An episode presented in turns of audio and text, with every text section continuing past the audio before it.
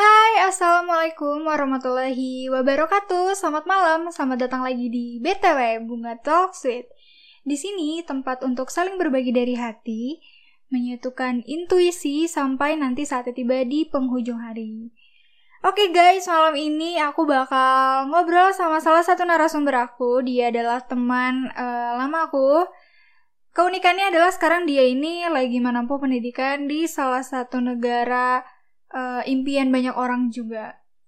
Nah, aku penasaran banget kenapa akhirnya dia bisa memilih uh, kuliahnya keluar dan dia survive at least sekarang dia udah berapa tahun ya di sana.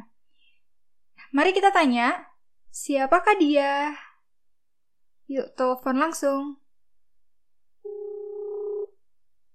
Nah, ini dia bintang tamu aku.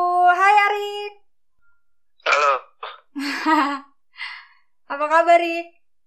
Alhamdulillah baik. Gimana Ugi sehat? Alhamdulillah. Ini kamu di sana lagi jam berapa nih? Di sini lagi jam 9 kurang 15. Oh, bedanya tapi nggak begitu jauh lah ya sama Indonesia.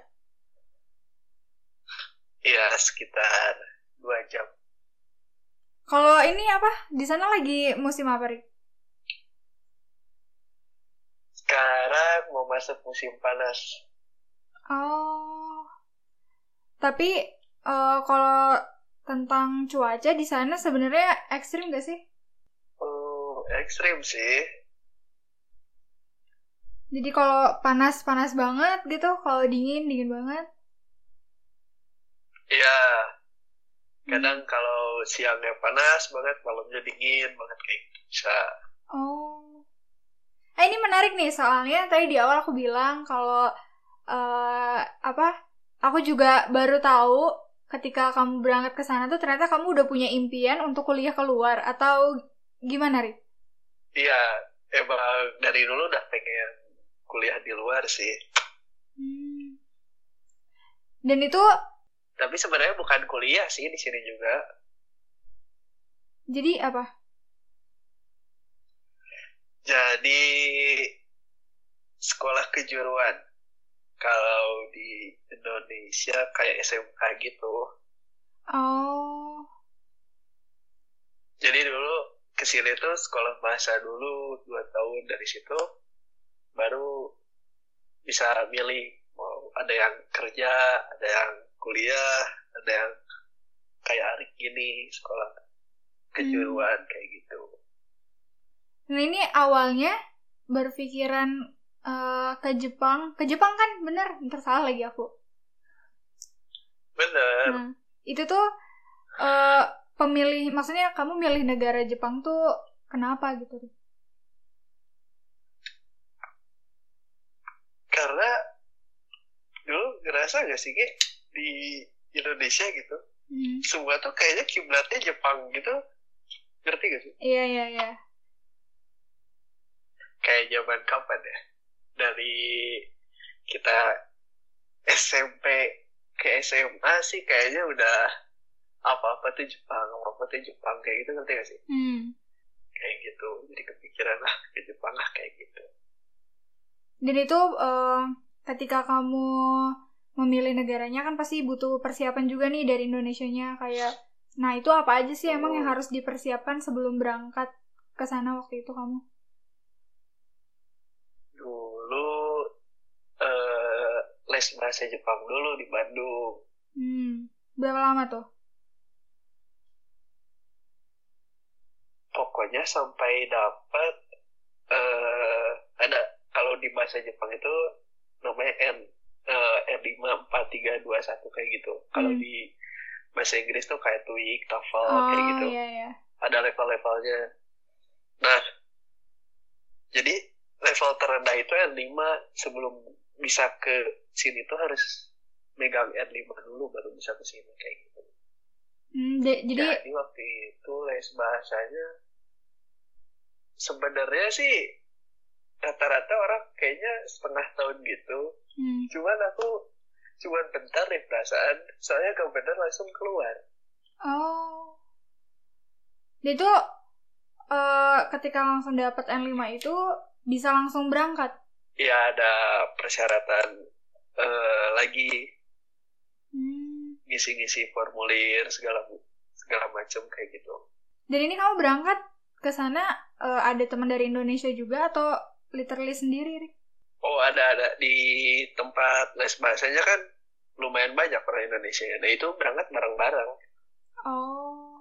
Dan mereka beda-beda ya tujuannya kayak tadi yang kamu bilang ada yang mungkin kuliah, ada yang mungkin kerja. tapi di sekolah bahasa di sini ba- eh, bareng-bareng gitu. Hmm. Iya, iya, iya, iya. Nah tapi waktu itu aku itu apa namanya eh telat. Aku kan berangkatnya 2018 nih ke sini. Hmm. Harusnya tuh aku tuh berangkatnya 2017. Hmm, ka- karena apa tuh Jadi dari dari 2016 akhirnya sebenarnya udah ikut les. Hmm. Udah ikut les eh ngurusin persyaratan segala macam itu di 2016 akhir. Berangkatnya kan 2017 awal harusnya. Hmm. Cuman di 2016 itu aku tuh sempat gak lulus N5-nya. Oh. Dulu pokoknya se-Indonesia itu tesnya cuma ada di UI. Waktu itu. Enggak sampai sekarang. Oh, sampai sekarang cuma ada di UI. Jadi semua eh, jadi mm, jadi semua orang berbondong-bondong datang ke ke UI Hmm. buat ngambil ujian sisa sertifikat itu. Nah kan aku juga ada, ada teman-teman seangkatan nih di tempat les. Nah waktu itu berangkat bareng buat eh ujian si N5 itu ke UI. Cuman di situ aku gagal. Nah, terus teman-teman yang pada lulus berangkat aja 2017. Aku ngegabut deh 2017. Terus di 2017 akhir ambil lagi itu si N5 itu alhamdulillah lulus. Jadi aja berangkat 2018 Hmm. Jadi emang kayak gitu ceritanya. ya ya, ya. karena karena aku juga baru tahu pas kamu berangkat, maksudnya dari awal proses kamu eh, mempersiapkan 2016 tuh kan sebenarnya kita juga pernah eh, maksudnya apa? Kayak beberapa kali ketemu dalam satu acara dan itu aku belum tahu kalau ternyata kamu udah mempersiapkan untuk berangkat ke sana ya dari 2016 tuh. Iya sih, dulu soalnya gak digembor-gembor juga, cuma teman-teman deket doang yang tahu gitu. Hmm. Dan waktu kamu eh, pertama kali bilang nih ke apa? Ke orang tua kamu untuk mau eh, apa? ke luar gitu. Nah, itu gimana, Rik? Ya diizinin sih. Gak ada kendala sebenarnya. Berarti ya mereka support lah ya. Hmm, support. Support dengan doa gitu ya. Iya. Nanti kalau rencananya nih, Rik, kalau waktu itu pas yang kedua Hmm. kali N5-nya nggak keterima atau gak lulus, apa sih planningnya? Planningnya kayaknya gak akan kuliah sih. Cuan aja di Bandung kayaknya ya. Iya sih bener ya. Enggak sih, waktu itu jadi kan sempat freelance di salah satu brand Hmm. cleaner cuci sepatu gitu. Ini brand dari Makassar. Hmm. Wak- Waktu itu sebenarnya udah ditawarin, udah kamu pindah aja sini ke Makassar kayak gitu. Buset. Gambling nih waktu itu waktu 2018 awal teh sebenarnya. Jadi kalau waktu itu nggak berangkat sih kayaknya nggak kuliah tapi ya bisnis aja gitu. Cabut tuh ke Makassar jadinya. Ya mau di Makassar mau di Bandung. Jelas sambil belajar ya sambil cuan sih kayaknya. Terus pas pertama kali kamu berangkat nih ke sana, eh Hmm. sempet ini nggak apa maksudnya eh, ngerasa percaya gak percaya gitu ri karena akhirnya bisa berangkat. Wah jelas ada rasa kayak gitu mah sampai sekarang malah Masa? Udah dua tahun loh. Eh, berapa tahun ya? Dua tahun ya? dua tahun Ah. ya sampai dulu aja aku kan males banget Ah. eh, belajar kan orang eh, tipe orang yang males banget belajar sampai R5 aja nggak lulus gitu kan Hmm. yang anak-anak waktu itu angkatan aku masih pada les itu jadi lesnya tuh kayak sekolah gitu Senin sampai Jumat Oh. emang bener-bener padat banget gitu pembelajarannya Hmm. Dari yang ngapalin huruf-hurufnya segala macam kan banyak banget tuh. Hmm. hmm. aku tuh mal- males banget. Gak lulus juga kayaknya karena aku nggak bisa bacanya. Mungkin kalau bisa bacanya waktu itu lulus sih. Nah sampai detik ini aja nggak percaya. Eh. Eh, bisa sampai di sini bisa sampai bisa ada di titik ini gitu. Sampai detik ini sih nggak percaya Hmm. Eh, ini aku menarik sih. kayak gitu Tadi pas kamu bilang tentang eh, N5, terus nggak bisa, apa tadi? Baca, eh, bicara, eh, apa ya itu? Hmm. Nah, itu emang eh, rangkaian tes si eh, N5 ini tuh kayak apa aja sih? Apa sama kayak TOEFL, IELTS gitu? dari si N5 sampai si sampai si N1 itu sama aja kayak eh ada nggak ya Eh, ada tes tulisnya tes eh, listeningnya Hmm. kayak gitu Oh. yang nggak ada cuma speaking doang sih Tapi diwawancara juga nggak? Nggak berarti? nggak oh Hmm. pas mau berangkat ke sininya diwawancara Oh, pas mau berangkatnya? Jadi kan daftar nih ke sekolah bahasa yang ada di sini Hmm. nah kan kita posisi di Bandung nih Hmm. itu wawancaranya lewat Skype dulu masih ingat Oh. aku waktu wawancaranya di Kozi malah tahu Kozi kan Tahu-tahu. wawancaranya di sana Itu langsung sama eh, native speaker Jepang ya? Iya seorang Jepang ya Oh. kayak gitu Seru ya challenging. Soalnya kan kayak kalau misalkan Inggris oke lah kayak eh, tulisan juga masih huruf-huruf yang biasa kita lihat. Nah, kalau misalkan Jepang itu pakai kanji kan? Iya nggak sih? ada tiga ada Oh. katakana hiragana sama kanji Itu bedanya apa? bedanya si hiragana itu bahasa eh tulisan asli Jepang ya kalau si, Hmm. kan- si katakana itu mbak tulisan serapan kayak misalkan serapan kayak dari bahasa Inggris di Iya, bahasa iya. Jepangnya nah itu pasti pakai katakana kalau kanji kan ada dari Cinanya kayak gitu Hmm. Kayak gitu Dan itu proses kamu belajar juga tadi ya, sempat ngeramin kegagalan dulu. Tapi itu menarik sih, karena aku juga sempat belajar bahasa Mandarin eh, di mata kuliah. Kuliah tuh kan kayak, "Ya ampun give up ini susah banget, apalagi harus kamu gitu yang belajar, eh maksudnya memperdalam lah ya, tentang bahasa Jepangnya. tapi serius sih ya aku dua tahun sekolah bahasa juga di sini benar-benar nggak belajar sebenarnya serius sih. Jadi pertama nyampe sini juga orang ngomong-ngomong benar-benar blank. Oh ya? anjir ini ngomong apa? Sampai, sampai kayak dulu kayak gitu. Tapi kalau misalkan ngom- ngobrol nih sama eh, orang sana langsung, apa mereka masih nerimain untuk ngomong bahasa Inggris? jarang sih orang sini yang bisa bahasa Inggris ya Terus gimana pas awal-awal kamu masih beradaptasi gitu?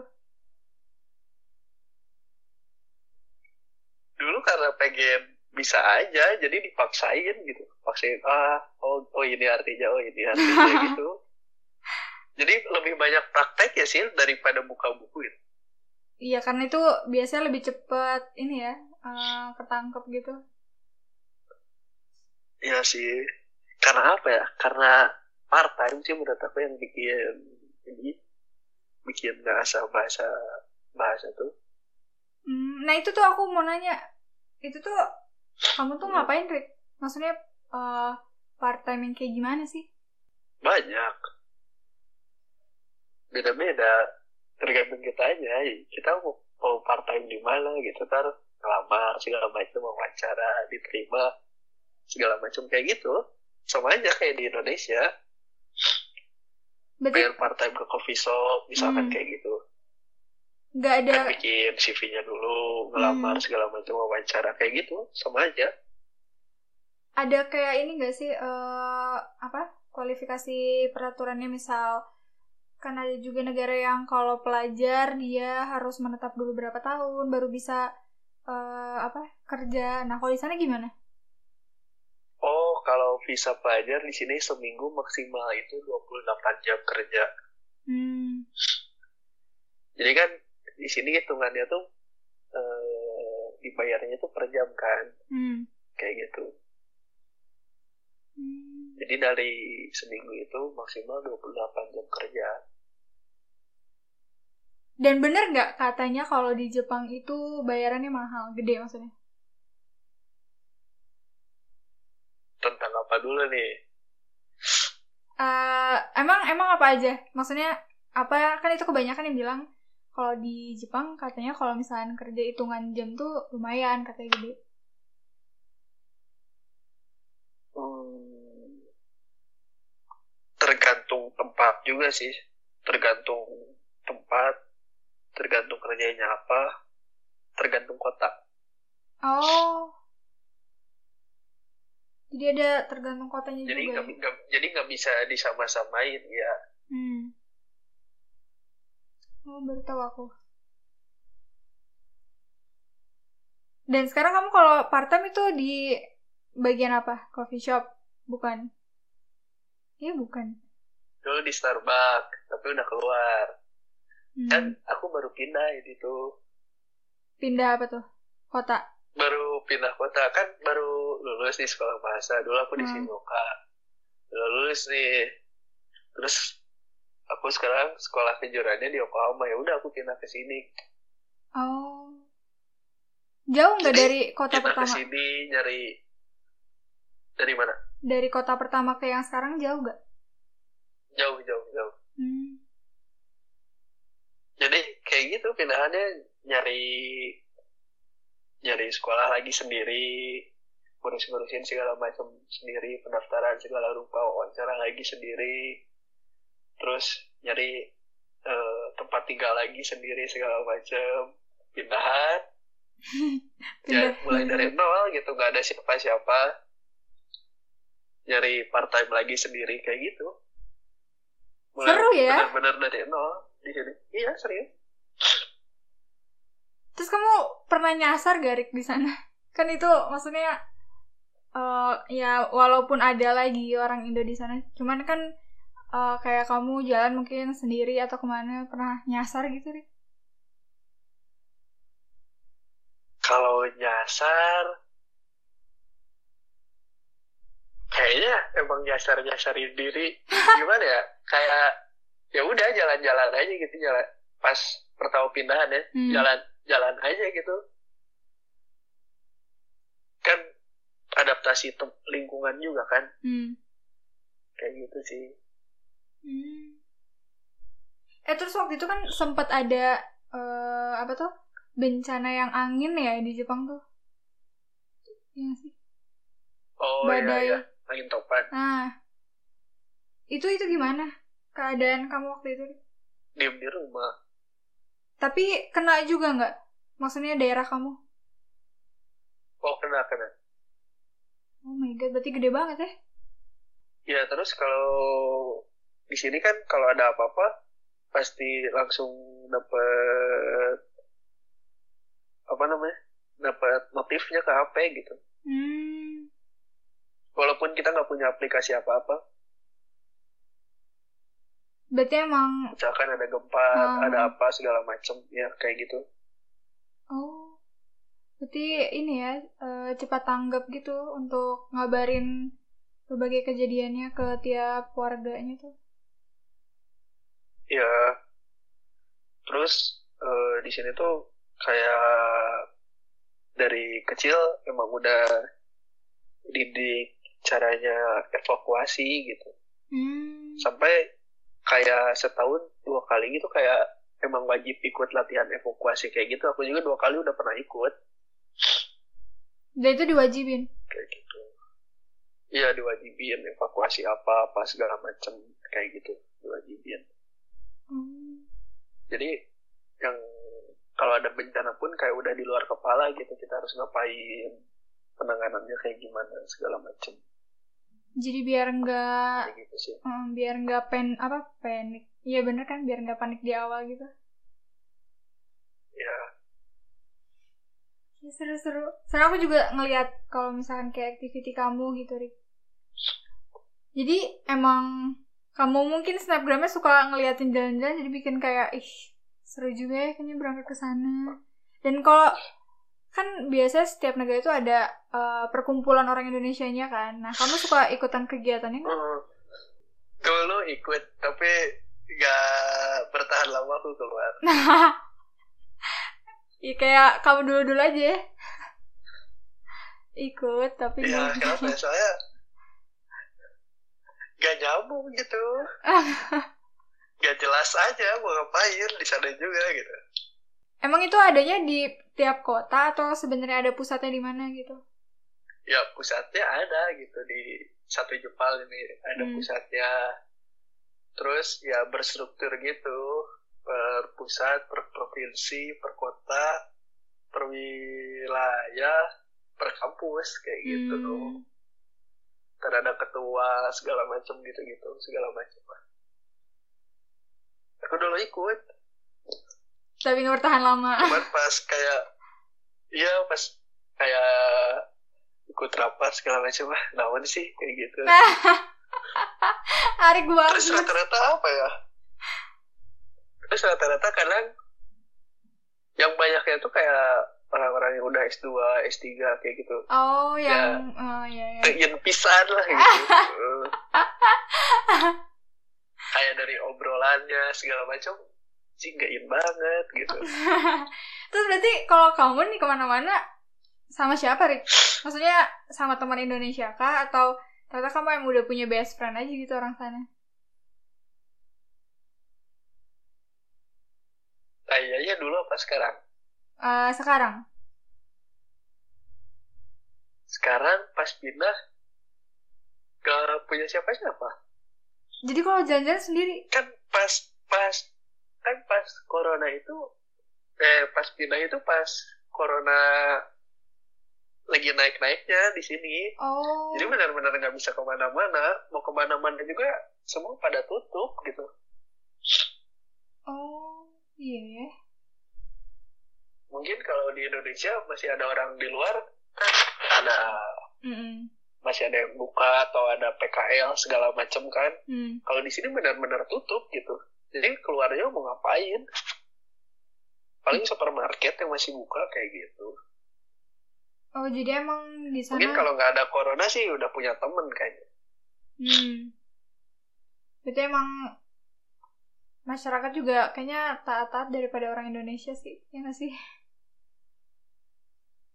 Gak juga sih. Oh ya, iya kayak apa ya kayak taman kayak gitu rame banget kayak sama aja nggak ada PSBB-nya gitu kan pas kemarin rame-rame kan pas Hmm. lagi mekar-mekarnya bunga sakura kan hmm. di sini kan kulturnya kalau lagi bunga sakura piknik segala macem kayak gitu Hmm. tetap aja pada kayak gitu sama aja sih Jadi kayak mudik mudiknya orang Jepang tuh saat ya itu ya Makarya Sakura. Saya keluar holiday. kalau mudiknya tuh pas tahun baru Oh, jadi bukan pas eh, yang tadi ya apa? Pas Sakuranya mekar. bukan Heeh, malah tahun baru di sini teh satu Januari gitu udah kayak Lebaran di Indonesia kayak Hmm. pergi ke kuil berdoa kumpul keluarga maaf maafan segala rupa kayak gitu Hmm, lucu ya. tahun baru. Terus kalau misalkan summer, habitnya orang sana kayak gimana? Pas lagi summer. Habitnya barbecue, pantai. Hmm, iya berarti emang ini ya summer bagi orang-orang selain orang Indonesia ya menghitamkan kulit tetap ya. Kan ada uh, ada libur summer di situ ada yang libur ada yang liburan pantai atau barbekyuan segala macam kayak gitu sih. Berarti Barbekyuannya siang tapi Oh iya. iya serius. Kalau di kita malam ya. Iya. Pas tahun baru lagi. Mm, Terus kalau ini udah dua tahun, kamu udah eh, main ke mana aja, Rik? main ke situ-situ lagi sih kayaknya. Aku gak, gak suka kayak gimana ya. Aku tipikal orangnya yang kalau main ke mana pasti dicarinya kalau ke coffee shop, museum, pameran, udah itu aja. Kalau enggak, apa ya, fashion district gitu, Hmm. Kamu suka main ke museum juga? ngerti nggak sih? Suka-suka. Museum apa pun, kamu suka datang? Suka-suka. Oh. Seorang Arik yang gak suka belajar tapi suka main ke museum ya?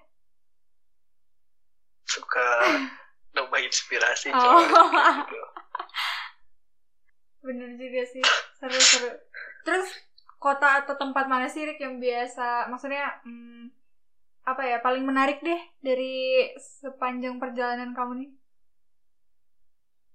Kota paling menarik. Atau tempat eh, yang pernah kamu kunjungin terus itu bagi kamu wah ini bakal unforgettable lah gitu. Hmm. Kyoto sih kayaknya. Kenapa tuh? Waktu itu back backpackeran ke sana sendiri. Sendiri. Terus sendiri. Oh my god. Terus? Sekarang ke Tokyo ke Osaka eh ke Kyoto ke Osaka sendiri gitu. Dari Kyoto ke Osaka kan dekat pakai kereta cuma 40 menitan. Hmm.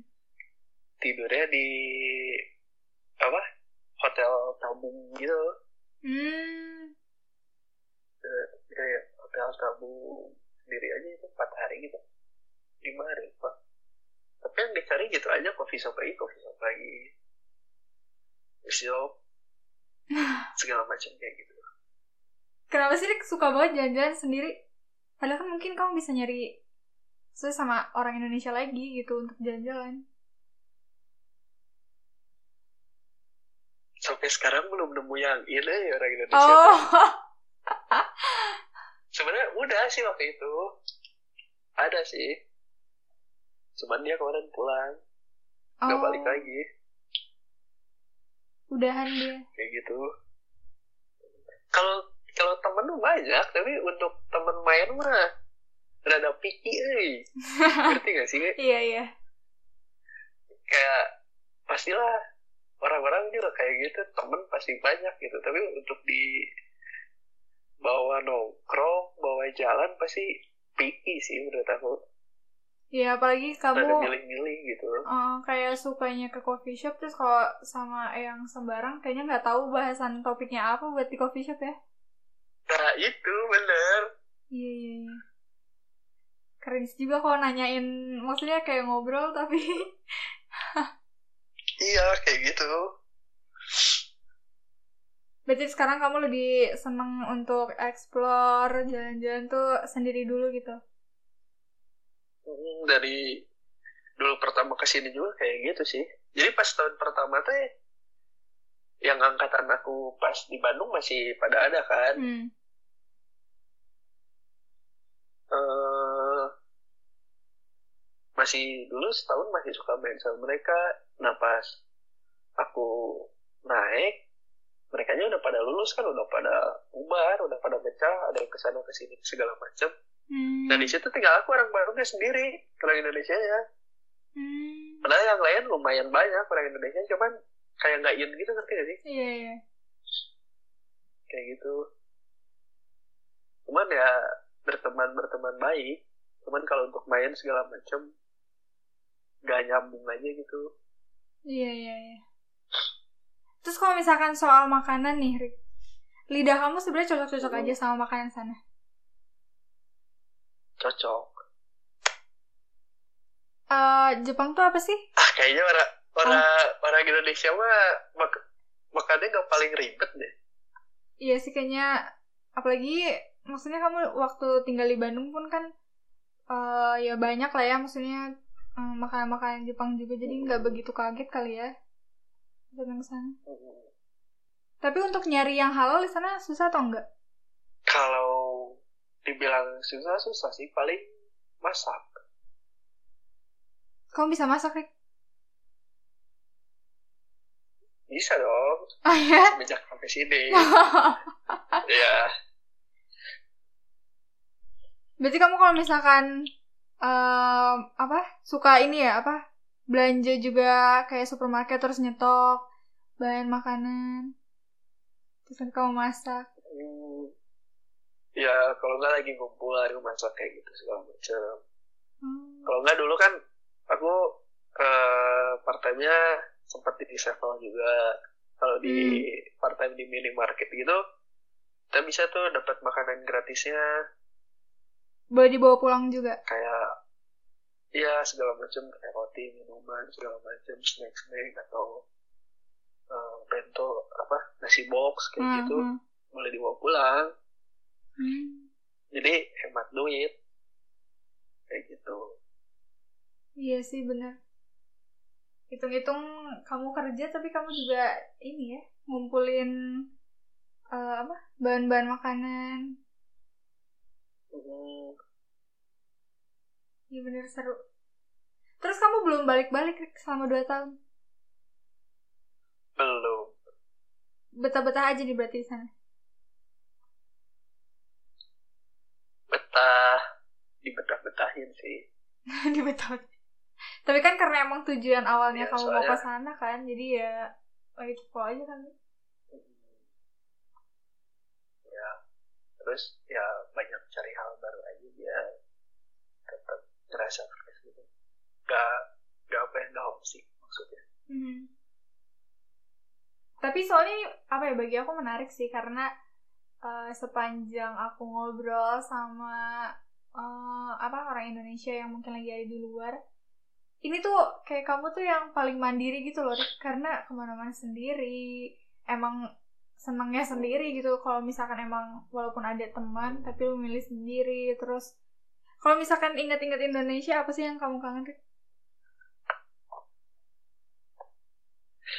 inget-inget Indonesia inget-inget Bandung Apa aja yang kamu kangen dari Bandung? Isinya dong. Orang-orangnya kenangannya makanannya suasananya. Teman-teman nongkrong kamu ya? Ya di sini kopi shop banyak tapi nggak bisa ngerokok. Oh, emang iya? Di sini coffee shop banyak tapi nggak nggak nggak asik ditongkrongin gitu. Oh. kayak gitu beda lah ya sama Bandung. Beda. Iya iya iya. Suasananya juga beda banget sih. Apa yang bikin beda? Orang-orangnya? Lingkungannya mungkin? Atau apa? Orang-orangnya. Hmm. Menarik. Kangen-kangen juga ini nggak? Para barisan para mantan di Bandung waduh jadi bahas itu.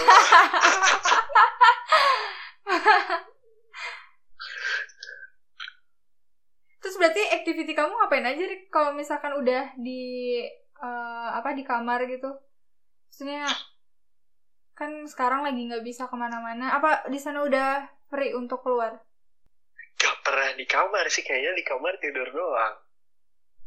Jadi kamu lebih sih kayak apa ada ada gak sih kayak orang Bandung yang sehari aja diem di rumah gitu ada gak sih? Susah Bisa sih nggak nemu gitu? ini apalagi seangkatan kita gitu. Terus kayak ada yang kurang aja gitu kan kalau Iya. kalau nggak keluar rumah tuh. Bener gak sih? Iya. Ih, makanya apalagi pas sekarang nih keadaan kayak gini gimana gimana jiwa-jiwa nongkrong gak pada menjerit?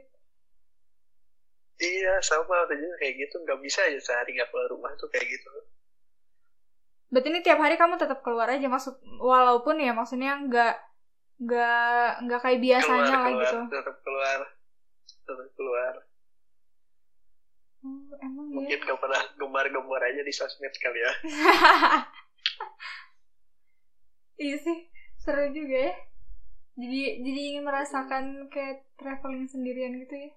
Apa gitu di beda negara lah. Jelas. Ya terus kalau rencana balik ke Indo itu kapan Rik? Belum ada? Pengennya saya tahun ini balik dulu tahun baru lah. Lumayan kan nanti libur ntar ada panjang. Hmm. balik dulu sih. Kayak gitu. Tapi kalau keadaannya kayak gini misalkan nggak dibolehin balik ya gimana ya? Paling tahun depan. Tapi kalau untuk tinggal sendiri menetap di Jepang, kamu udah punya eh, apa? Kayak planning bakal ya kerja juga nyari di sana gitu atau sebenarnya ya untuk sekarang doang ntar pasti balik ke Indonesia gitu. oh ada ada Apa? Tinggal di sana? ada banget kalau itu. Kenapa, Rik? sebenarnya kenapa ya karena udah enak aja sih di sini. Yang kayak enaknya apa ya di sini? Kayaknya sih suasana doang kayaknya. Tapi tentang kayak tapi kalau Apa? planning tinggal di sini mah ada menetap lama dari gitu sini ya. nyari nyari uh, nyari kerja gitu terus pindah visa segala macam menetap di sini planning kayak gitu udah ada sebenarnya nyari kerja di sini tuh gampang banget loh ya yang susah itu visanya Hmm. jadi Hmm. nyari kerja di sini bener gampang banget nyari kerja bukan part time ya Ah, nyari kerja bener kerja gitu sebagai visa kerja gitu. Hmm. yang kita emang dikontrak. Itu lowongan tuh banyak banget di sini dan ya gampang. Yang susah itu nyari eh dapat visanya visanya dapat apa enggak gitu. Jadi percuma walaupun kita udah keterima di, di perusahaan A, tapi si imigrasi nggak nggak- ngeluarin visanya ya, udah Lapor gitu. wassalam gitu Oh. oh. aku juga sebenarnya kemarin pas sekolah bahasa kan yang part time yang tadi aku cerita di Shuffle itu kan Hmm. nah aku benar-benar deket ya sama si ownernya sama si manajer segala macam jadi si owner itu udah udah tua tapi nggak tua-tua banget sih Hmm. 60-an lah udah sakit-sakitan gitu Ya Allah deh. si manajer itu "Oh, serius serius Oh ya. Terus jadi si ownernya ma- masih suka suka ikut kerja oh. bukan owner yang cuman diem duduk manis doang dia Iya, masih iya. suka ikut kerja Ah. si manajer itu anaknya si owner nah Oh. saking dekatnya sama aku sebelum eh berapa minggu sebelum aku keluar gitu dia ngajak ngobrol. Kamu mau nggak jadi manajer di sini? Gitu. Terus? Nawarin kayak gitu dong. Nanti si manajer eh saya mau pensiun. Si manajer yang gantiin saya. Dan pilihan kamu kenapa? dia pindah? ngomong dia ngomong kayak gini. Udah kamu eh ke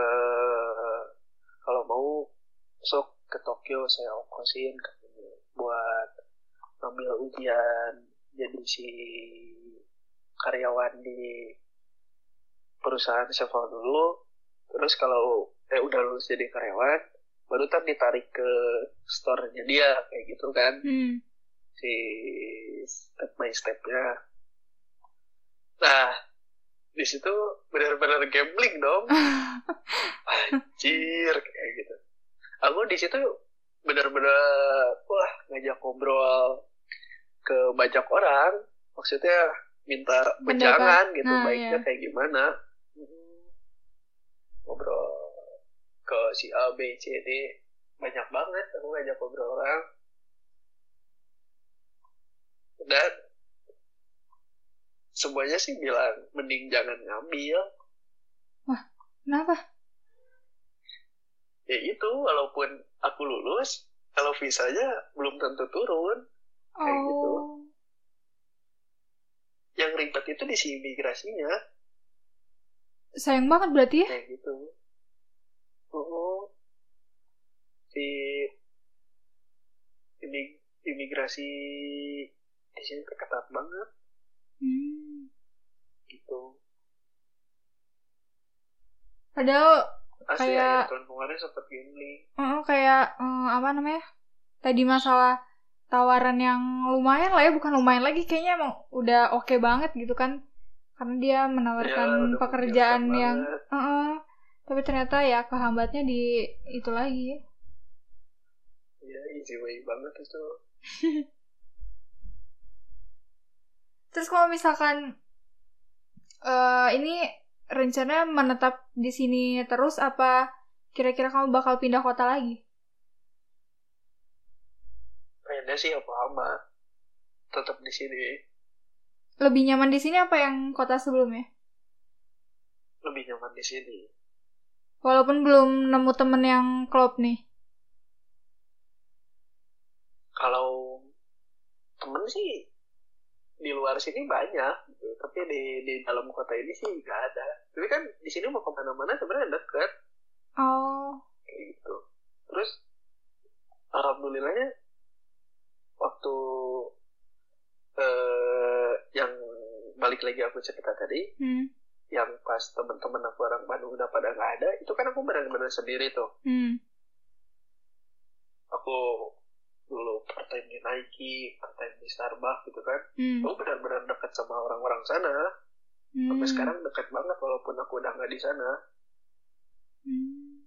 eh apa? Kayak masih kontakan kayak gitu main masih segala macam. Nah dari situ juga sih bahasa Jepang bisa ke bawah-bawah kayak gitu. Karena sering komunikasi ya. Hmm, emang udah dijadi dibawa ke kehidupan sehari-hari gitu. Aku waktu itu benar-benar kayak nggak main sama orang Indonesia soalnya emang benar-benar jauh sama orang Indonesia teh. Hmm. setahun di situ teh. Jadi kayak kamu gitu. lebih sering main Sampai- sama orang-orang sana gitu. Sampai kalau ada apa-apa aku minta tolongnya malah ke orang sana gitu. Hmm. Ya emang itu karakteristik kamu dari dulu sih kayaknya. Yang aku lihat ya, maksudnya kan aku nggak begitu juga sering nongkrong, kayak ngobrol sama kamu pun mungkin kehitung jarang, tapi ya itu emang iya sih kamu banget gitu Rik. Friendly mah sampai friendly kemarin pas gitu. pindahan ya. ke sini mm, sampai pindahan kemarin pindahan ke sini juga kan dibantuin temen orang sini pakai mobil segala macam buat ngangkut-ngangkutin barang kayak gitu Hmm. Tadi ketika kamu bilang apa eh, peraturan imigrasi sana ketat emang sebenarnya karakteristik orang Jepang tuh kayak gimana sih? Rik? Secara umum ya. secara umum Hmm. sesuai pengalaman aku ya Hmm. Nggak kayak yang orang-orang Indonesia pikirin kok Kayak apa tuh? maksudnya gimana ya aku eh sesuai pengalaman aku nih Hmm. aku banyak banget eh teman di sini yang temen ya anggap aja lah umuran eh, 20 sampai 30-an gitu Hmm. teman orang Jepang di sini. Kan orang-orang mikirnya oh orang Jepang tuh gini orang Jepang hebat segala macam. Hmm. menurut aku nggak juga gitu. Nah ini sih hal yang bisa aku pelajarin di sini. Jadi tiap orang tuh punya levelnya masing-masing gitu nih Hmm. kayak nggak nggak tiap orang Jepang pinter juga kadang malah kayaknya lebih pinter kita juga gitu Hmm. dari pinter dalam artian cara berpikir segala macam perilaku segala macam kayak gitu mungkin, mungkin- orang Jepang terkenal sopan Hmm. atau pinter segala macam mungkin itu angkatan-angkatan orang tua kita gitu emang benar kalau angkatan-angkatan kitanya mah ah bohong lah menurut aku udah jadi apa ya udah jadi nggak bener aja sih menurut aku Iya berarti em, kalau yang aku tangkap sesuai dari pengalaman kamu berarti yang yang hebat itu adalah mereka ngeluarin si apa eh, karakteristik kedunianya itu adalah sebagai orang yang disiplin terus negaranya orang-orangnya eh, apa ya itu tadi disiplin terus tegas dan segala macam Oh. saling ngehargain meskipun di balik itu semua sebenarnya sama aja kayak orang Indonesia yang suka ngaret juga ada nggak sih ada ada ada banget banyak banget Hmm. yang telat bolos segala macam banyak banget gitu Iya. banyak kalau kalau yang umur umuran kita ya Hmm. atau angkatan di bawah kita gitu banyak banget Terus apa Rik yang akhirnya ngebuat kamu banyak belajar tentang eh, ya apa pun itu lah ya dalam segi apa pun itu ketika kamu udah di sana gitu kayak oh ternyata kayak gini ya. Oh ternyata aku harusnya kayak gini ya gitu. Itu itu tadi sih. Jadi aku belajar bahwa tiap orang punya levelnya masing-masing gitu. Hmm. kita hidup ada di level satu dua tiga dan seterusnya.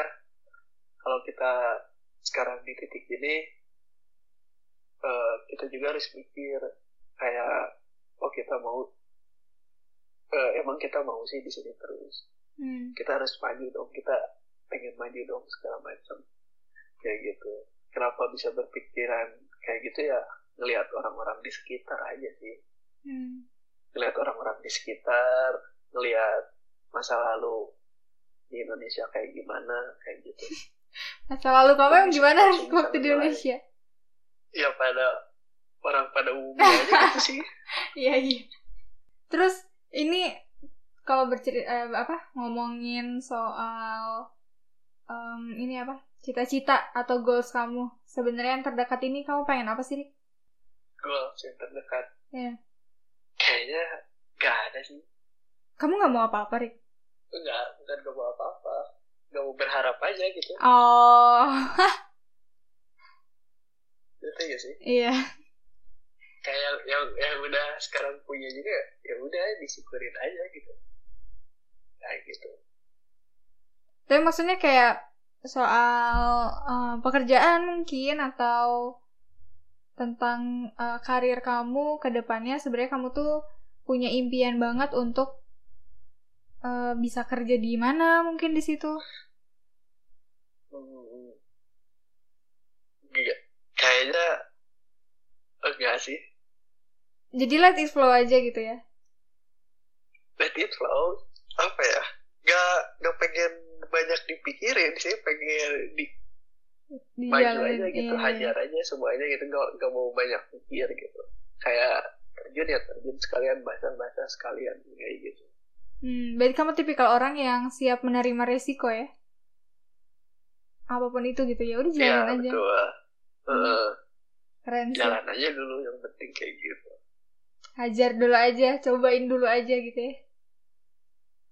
ya Menarik, menarik. soalnya orang yang berharap itu orang yang pasti tersakiti ya Ini ngomongin tersakiti. kalau kalau nggak berharap pasti nggak akan sakit hati ya Oh.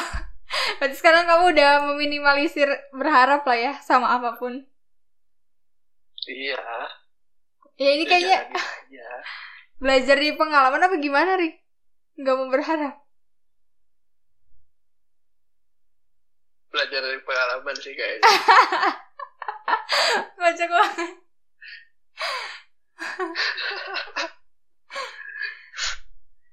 Tapi kalau sekarang kamu nggak lagi LDRan atau sebenarnya masih LDRan nih? LDR sama siapa aja gak punya pacar aku Dulu kan ada dulu. dulu Iya. enggak aku udah putus anjir Ya. Kandas. Terus kamu kalau misalkan setiap hari kayak tadi nih di for information buat yang ngadain podcast sebelum si Arik rekaman sama aku kan kamu tadi video callan dulu nih. Heeh.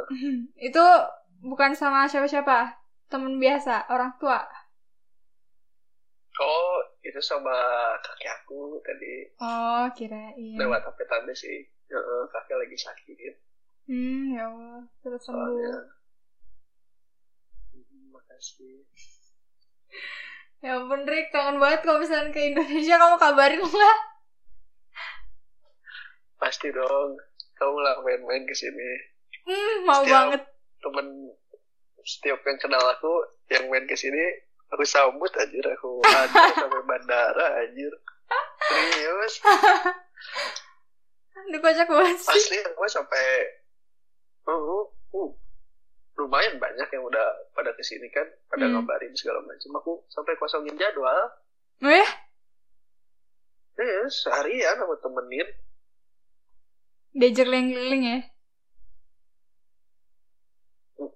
Kayak gitu. Oke, nah ini nih segmen terakhir. Kalau misalkan teman-teman kamu, teman-teman nongkrong kamu yang ada di Indonesia mendengar apa sih yang pengen kamu sampaikan, Rick? tetap semangat aja sih Eh, dan terus percaya sama passionnya masing-masing Hmm. pasti selalu didukung Terus kalau misalkan nih yang ngedengar ini nanti kan eh, siapa tahu dia juga punya keinginan untuk berangkat gitu ke sana ya entah itu mau pendidikan atau karir.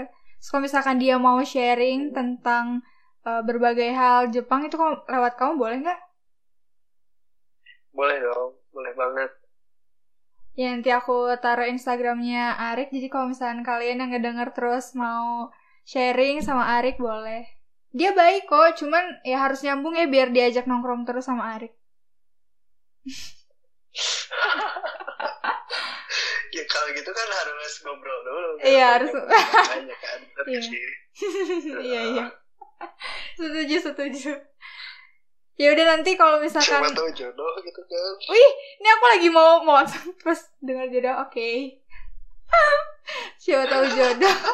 Oh ini nih untuk kalian juga mungkin yang nggak ada yang mendengarkan.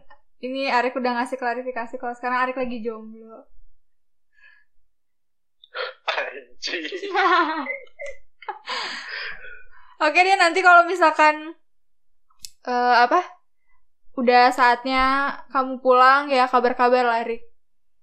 Kita nongkrong gitu udah bener-bener nggak pernah ketemu lagi Arik. Aku sampai kapan ya? Eh dari kapan ya? iya, kamu sekarang bikin coffee shop coffee shopan ya Eh itu sebenarnya aku kerja cuy. Aku juga kerja di orang. oh bukan yang kamu Bukan, cuman si eh, owner-ownernya tuh saking ininya, saking apa namanya? Kayak mereka tuh gak mau in frame mulu tiap kayak eh, apa jadi kayak udah sok-sok sama kamu aja sok-sok sama kamu aja gitu. Jadi kebanyakan yang bilang juga itu coffee shop kamu terus aku bilang enggak lah aku kerja. Kirain yang mau nge Ini aku juga. seneng banget ngeliat kamu kalau tiap updatean punya sepatu baru Rik. Iya aku gak gak pernah belanja serius. Masa? Iya jadi apa namanya lagi lagi belajar hidup sustainable gitu Hmm. go green segala macam. Hmm. Iya serius. Jadi kayak apa ya dari atasan sampai dari kepala sampai kaki yang dua minggu nggak pernah kita pakai gitu. Oh. itu aku, aku jual-jualin aku kasih-kasihin ke orang gitu. Jadi kasarnya outfit aku itu itu aja Oh, kamu lagi ini ya, apa eh, belajar hidup minimalis jadi yang udah berapa puluh hari nggak dipakai lebih baik dijual atau dikasihin gitu ya. iya kayak gitu kayak udah nggak pernah beli minuman di luar lagi segala macam kayak gitu sih Keren sih. Karena aku juga baru ngedenger loh. Maksudnya kebanyakan kan yang kalau belanja Heeh. misalkan di supermarket Hmm. Kita bawa tote bag kayak gitu tote bag yang besar tapi Hmm. Hal paling kecil sih berarti aku itu sih itu aja jadi dua minggu kan dua minggu muter nih Hmm. selama dua minggu itu sepatu sampai topi gitu kasarnya Hmm. yang nggak pernah kita pakai dikasih kasihin kayak di ya dikasihin kayak yang membutuhkan atau dijual segala macam Hmm. kayak gitu Keren sih. Biar gak numpuk juga terus jadinya nyampah gitu kan.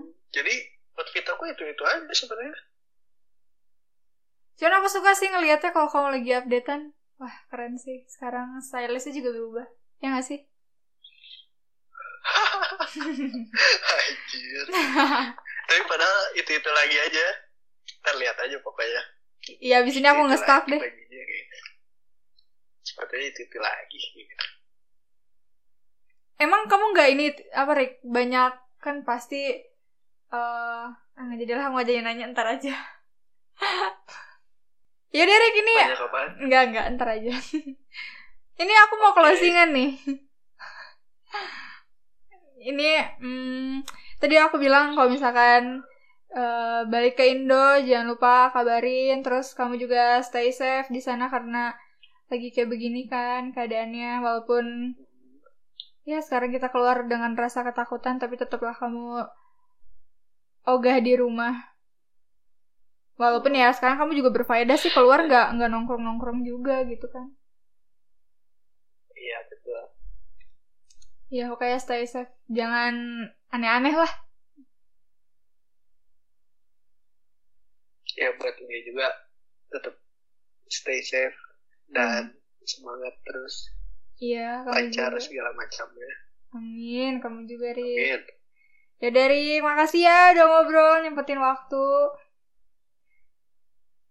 Ya makasih juga ya udah ngajakin ngobrol-ngobrol di Haidot Bunga. seru sih. Cuman emang kalau ngobrol sama Arif tuh lebih seru lagi langsung sih kalau kalian tahu sama Arif pasti kayak gitu daripada harus virtualan kayak gini. Semoga podcastnya sukses lah. amin. Kamu juga lah di sana ya. Coba tahu nanti ada tawaran lagi. Oke. pekerjaan yang lumayan visanya diterima udahlah tinggal di sana Amin. amin amin ya dari makasih Amin. Bye bye. bye assalamualaikum dan untuk kalian yang udah ngadain podcast aku sama narasumber aku yang tadi, terima kasih banyak. Semoga dari obrolan ringan aku sama narasumber aku bisa membawa banyak manfaat untuk diri aku sendiri, terutama dan untuk kalian yang mendengarkan. Kalau misalnya nanti kalian mau sharing sama narasumber aku yang tadi, boleh banget aku tulis nanti nama Instagramnya.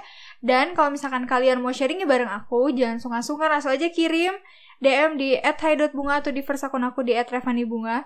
Karena siapa tahu abis ini aku ngobrolnya sama kamu. Terima kasih dengerin. Wassalamualaikum warahmatullahi wabarakatuh.